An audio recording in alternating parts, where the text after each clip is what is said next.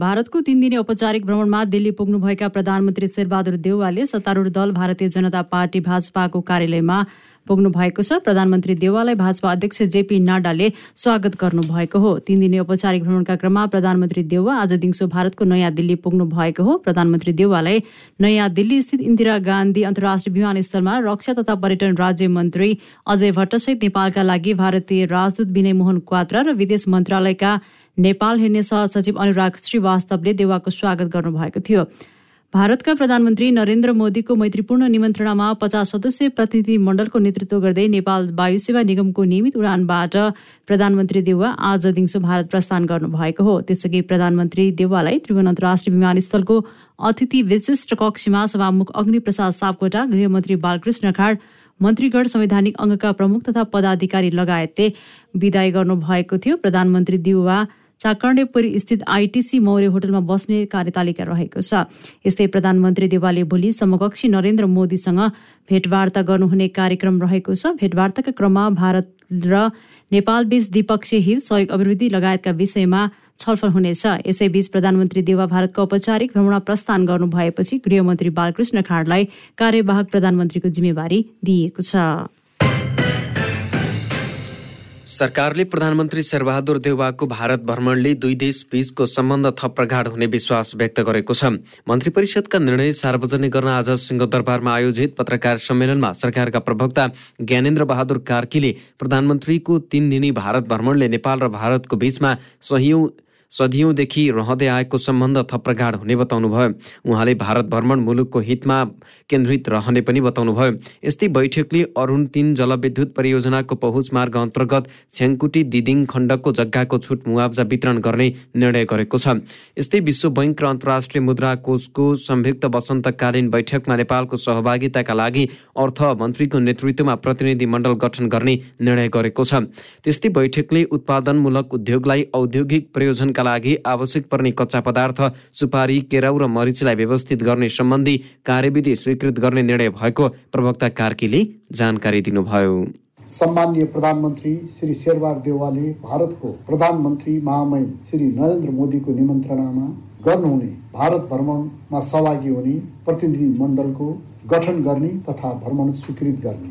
अरुण तिन जलविद्युत परियोजनाको पहुँच मार्ग अन्तर्गत छ्याङकुटी दिदिङ खण्डको जग्गाको छुट मुआवजा वितरण गर्ने गराउने। विश्व ब्याङ्क र अन्तर्राष्ट्रिय मुद्रा कोषको संयुक्त वसन्तकालीन बैठकमा नेपालको सहभागिताको लागि माननीय अर्थमन्त्रीको नेतृत्वमा प्रतिनिधि मण्डल गठन गर्ने।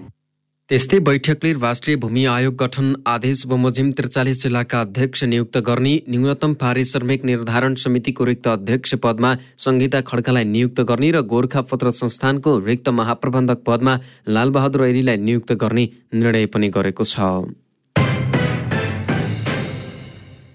नेकपा एमालेका अध्यक्ष केपी शर्मा ओलीले प्रधानमन्त्रीको भारत भ्रमणका विषयमा प्रश्न उठाउनु भएको छ। आज काठमाडौँमा पार्टी निकट विद्यार्थी संगठन अनेरा सोभिएको भेलालाई सम्बोधन गर्दै अध्यक्ष ओलीले चुनाव अगाडि भ्रमणमा जानु भएको भन्दै प्रश्न गर्नुभयो। ओलीले प्रधानमन्त्री स्वदेश फर्की पछि निर्वाचनको बेला भारत भ्रमण जानुपर्ने कारण बाहेक सोध्ने जिकिर गर्नुभयो। उहाँले आगामी निर्वाचनमा एमाले एक्लैले जित हासिल गर्ने पनि दावी गर्नुभयो।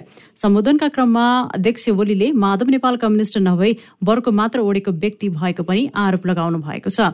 उहाँले आफूले चाहे गठबन्धनलाई टुटाउन सक्ने दावी गर्नुभयो। कङ्ग्रेसले काम गर्ने शक्तिसँग इतिहासमा कहिले पनि तालमेल नगर्ने उहाँको भनाइ छ। नेकपा एमाले प्रवेश गर्नेहरूको लहर जारी रहेको बताउँदै अध्यक्ष ओलीले दुई सय चालिस वर्ष राज गर्नेहरूसँग एमालेको तुलना नहुने बताउनु भयो आफूलाई राजासँग दाँच्नेहरूलाई राजा र आफू कसरी मिल्छ भन्दै उहाँले राजालाई पाउमा दाम राखेर ढोग्ने मान्छे आफू नभएको बताउनु भयो प्रधानमन्त्रीजी विदेश जानुभएको छ ठ्याक्कै चुनाव अगाडि जानुभएको आएपछि सोध्नु यो गठबन्धन तबसम्म रहन्छ जबसम्म हामी यसलाई रहन दिन्छौँ। हामीले धेरै केही गर्नु पर्दैन यसको छ्यासा हावा खोलिदिएपछि अब केपी ओली राजासँग मिल्छ कहाँ छ राजा र मिल्छ केपी ओली कहाँ छ? कहाँ छ राजा र राजासँग मिल्छ कस्तो बुद्धि त्यस्तै ओलीले एमाले सरकारका कामलाई चुनावमा प्रचार प्रसार गर्न निर्देशन दिनुभयो। नेकपा एकीकृत समाजवादीका नेता झलनाथ खनालले सुखी नेपाली समृद्ध नेपालको नारालाई केपी ओली नेतृत्वको सरकारले ध्यान दिन नसकेको बताउनु भएको छ। आज काठमाडौँमा आयोजित केही विश्व रीतिमान हस्तान्तरण कार्यक्रममा खनालले ओलीले आफ्नो प्रधानमन्त्रीको कार्यकालमा सुखी नेपाली समृद्ध नेपालको नारा धेरै पटक जपे पनि त्यसतर्फ ध्यान दिन नसकेको बताउनु भएको हो। उहाँले एमालेको नौ महाधिवेशनमा सुखी नेपाली समृद्ध नेपालको नारा आफूले नै अघि सारेको दावी गर्नुभयो। अब सबैको साझा एजेन्डा सुखी नेपाली समृद्ध नेपाल हुनुपर्ने उहाँको भनाइ छ। कार्यक्रममा नेता खनालले विश्व कृतिमान प्रमाणपत्र हस्तान्तरण गर्नुभएको थियो। राष्ट्रिय प्रजातन्त्र पार्टीका केन्द्रीय अध्यक्ष राजेन्द्र लिङदेनले स्थानीय तहको चुनावमा कसैसँग गठबन्धन नगर्ने स्पष्ट पार्नु भएको छ। आज उदयपुर सदरमुकाम गाईघाटमा राप्रपा उदयपुरद्वारा आयोजित सभालाई सम्बोधन गर्ने क्रममा अध्यक्ष लिङदेनले राप्रपा स्थानीय तहको चुनावमा कुनै दलसँग तालमेल नगर्ने बताउनु भएको हो। यस्तै अध्यक्ष लिङदेनले आवश्यकता हेरी गठबन्धन गर्न सकिने भए पनि अहिलेसम्म आफू आफ्नै बलबुताले लड्ने क्षमता रहेको दावी गर्नुभयो। जनसभालाई सम्बोधन गर्दै अध्यक्ष लिङदेनले स्थानीय निर्वाचनमा सुशासनको मुद्दालाई मूल विषय बनाउने बताउनु भयो उहाँले देश एकतिस वर्ष निकम्बाहरूले शासन गर्दा अहिलेको अवस्था आएको पनि आरोप लगाउनु भएको छ।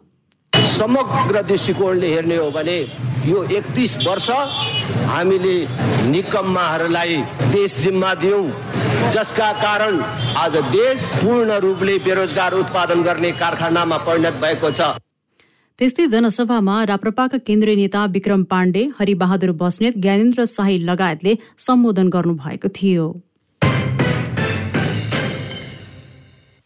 नेपालमा थप बाइसजनामा कोरोना संक्रमण पुष्टि भएको छ। देशभर गरिएको दुई हजार पाँच सय सोह्र पिसिआर परीक्षणका क्रममा सोह्रजना र एक हजार तिन सय उन्नाइस एन्टिजेन परीक्षणका क्रममा छजनामा कोरोना संक्रमण पुष्टि भएको हो। त्यस्तै सोही अवधिमा थप पचहत्तरजना कोरोना संक्रमण मुक्त भएका छन्। हाल नेपालमा एक हजार बाइसजना सक्रिय संक्रमित आइसोलेसनमा रहेको स्वास्थ्य मन्त्रालयले जनाएको छ। प्रत्येक वर्ष चैत्र कृष्ण औसीका दिन मनाइने घोडे जात्रा पर्व काठमाडौँ उपत्यकामा मनाइएको छ। काठमाडौँ उपत्यकामा प्रचलित मध्येको यो जात्रा प्राचीन जात्रा मानिन्छ पर पूर्वकालदेखि उपत्यकाको मानव बस्तीमा राक्षसले बालबालिका खाइदिने तथा विभिन्न दुःख दिने गरेको र सो राक्षसलाई घोडाको टापुले कुल्च्याएर मारेको किंवदन्तीका आधारमा घोडे जात्रा मनाइएको पाइन्छ। त्यही जनविश्वास र संस्कृतिलाई निरन्तरता दिँदै काठमाडौँको टुडी खेलमा नेपाली सेनाले घोडे जात्राको आयोजना गरेको थियो। घोडे जात्रामा नेपाली सेनाले घोडाका विभिन्न कला कौशलहरू प्रदर्शन गरेका थिए। नेपाली सेनाले गरेको घोडे जात्रा कार्यक्रममा राष्ट्रपति विद्यादेवी भण्डारी उपराष्ट्रपति नन्द बहादुर पुन कार्यवाहक प्रधानमन्त्री बालकृष्ण खाँड लगायत उच्च पदस्थ व्यक्तित्वहरूको सहभागिता रहेको थियो। यसैबीच प्रत्येक वर्ष चैत्र कृष्ण औसीका दिन मनाइने घोडे जात्रा पर्व ललितपुरमा पनि मनाइएको छ।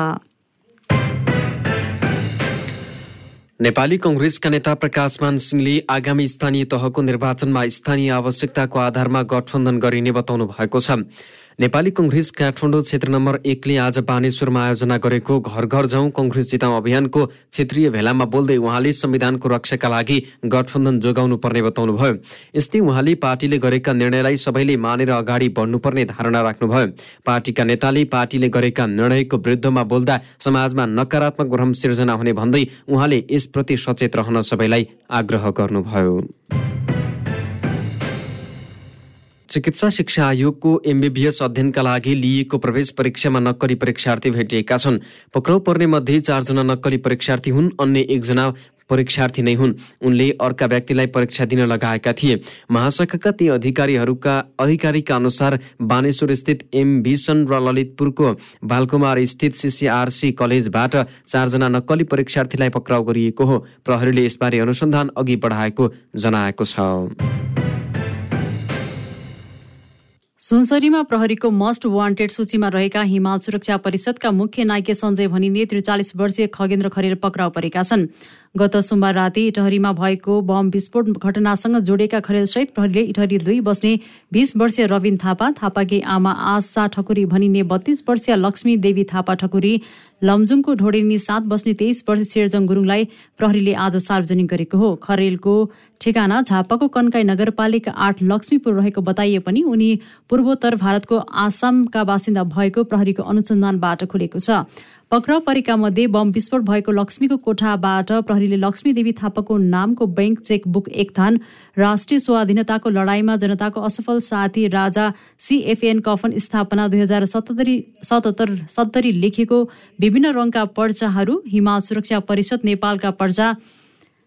यस्तै तामाको तार गुजुल्टो ओप्रो ब्रान्डको ब्याट्री दुई थान मोबाइल पनि प्रहरीले बरामद गरेको छ।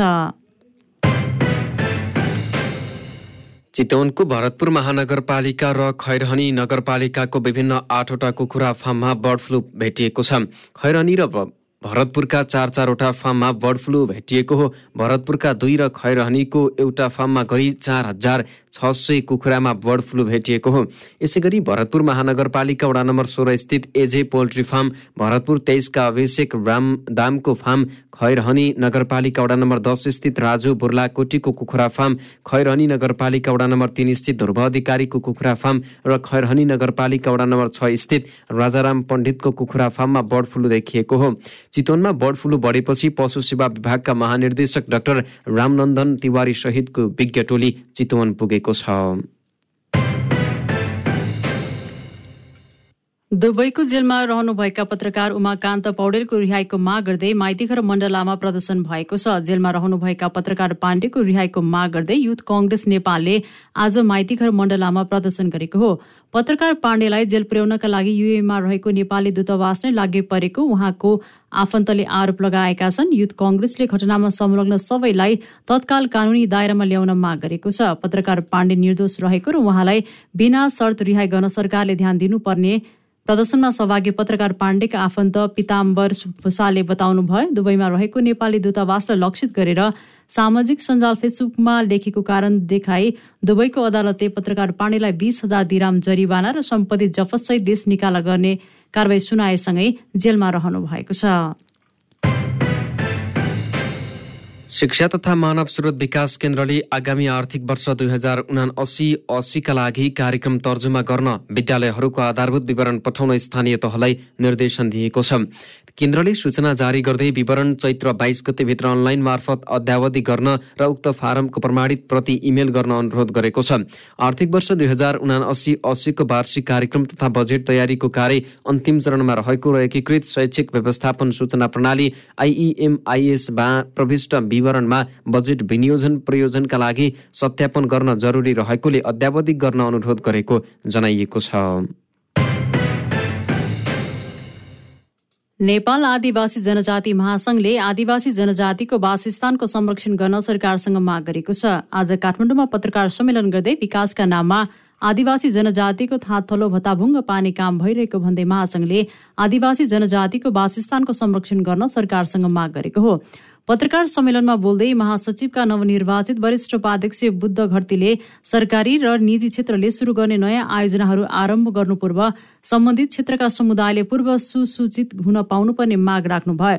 यस्तै उहाँले स्थानीय र प्रदेश सरकारबाट आदिवासी जनजातिका नाममा विनियोजित बजेट अन्य शीर्षकमा खर्च गरेको प्रति पनि आपत्ति जनाउनु भयो उहाँले आदिवासी र जनजातिको विकासका लागि छुट्याएको बजेट सदुपयोग गर्न सरकारसँग माग पनि गर्नुभयो।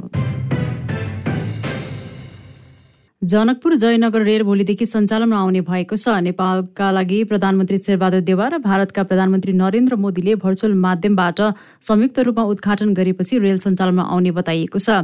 रेल उद्घाटनको सम्पूर्ण तयारी पूरा भएको रेलवे विभागका महाप्रबन्धक निरञ्जन झाले जानकारी दिनुभयो। नेपालको कुर्थादेखि भारतको जयनगरसम्म पैँतिस किलोमिटर रेल सञ्चालन हुन लागेको हो।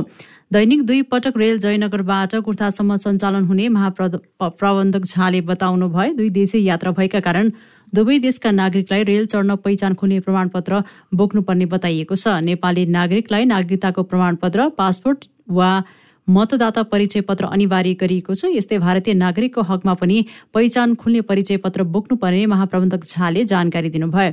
दसदेखि अठार वर्षसम्मका बालबालिकाको हकमा भने विद्यालयको परिचय पत्र अनिवार्य बोक्नुपर्ने जनाइएको छ। भारतले नेपाल आयल निगमलाई पेट्रोलियम पदार्थको नयाँ मूल्य सूची पठाएको छ। आज प्राप्त मूल्य सूची अनुसार आगामी पन्ध्र दिनमा पाँच अर्ब एक्काइस करोड रुपियाँ घाटा बेहोर्नु पर्ने देखिएको निगमले दावी गरेको छ। नयाँ मूल्य सूची अनुसार एलपी ग्यासमा मात्रै प्रति सिलिन्डर दुई सय त्रिहत्तर रुपियाँ अडतिस पैसा मूल्य बढेको छ। यस्तै मोटी तेलको मूल्य बाइस रुपियाँ अठार पैसा बढेर आएको छ भने डिजेलको मूल्य स्थिर छ। पेट्रोलको मूल्य भने एक रुपियाँ अडचालिस पैसा घटेको छ। निगमले यसअघि दुई चैतमा पेट्रोलियम पदार्थको मूल्य बढाएको थियो। नयाँ मूल्य सूचीका आधारमा निगमलाई प्रति महिना करिब दस अर्ब रुपियाँ नोक्सानी हुने देखिएको छ। चालु आर्थिक वर्षमा मात्रै निगमले बत्तीस अर्ब रुपियाँ नोक्सानी बेहोरिसकेको जनाएको छ। आगामी दिनमा आपूर्ति व्यवस्था सहज बनाइराख्न अत्यन्त कठिन हुने देखिएको पनि निगमले जारी गरेको विज्ञप्तिमा उल्लेख छ।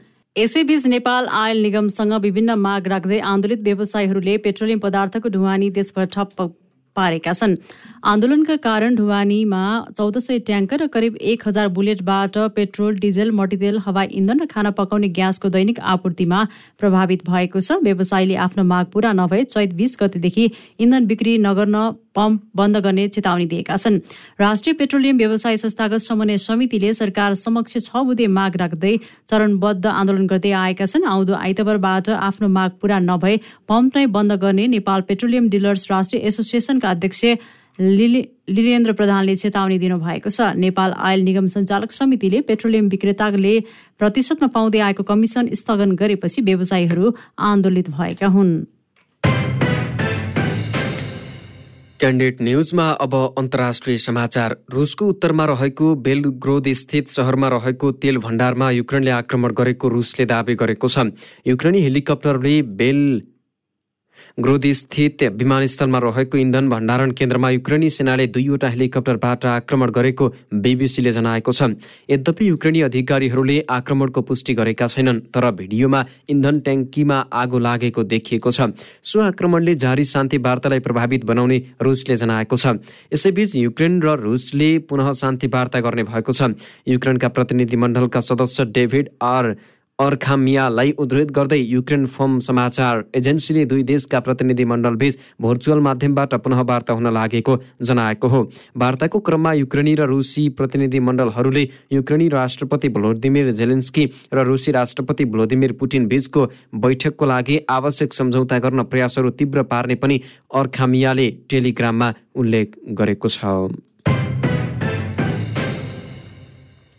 भारतको कश्मीरमा गुडिरहेको गाडी दुर्घटना हुँदा नौजनाको मृत्यु भएको छ अनि चारजना गम्भीर घाइते भएका छन्। कश्मीरको ग्रीष्मकालीन राजधानी श्रीनगर सहरबाट करिब एक सय सडचालिस किलोमिटर दक्षिण पक्ष पश्चिममा रहेको पुञ्ज जिल्लाको बफिया क्षेत्रमा गाडी अनियन्त्रित भई गहिरो खोल्सामा खसेको भारतीय सञ्चार माध्यमले जनाएका छन्।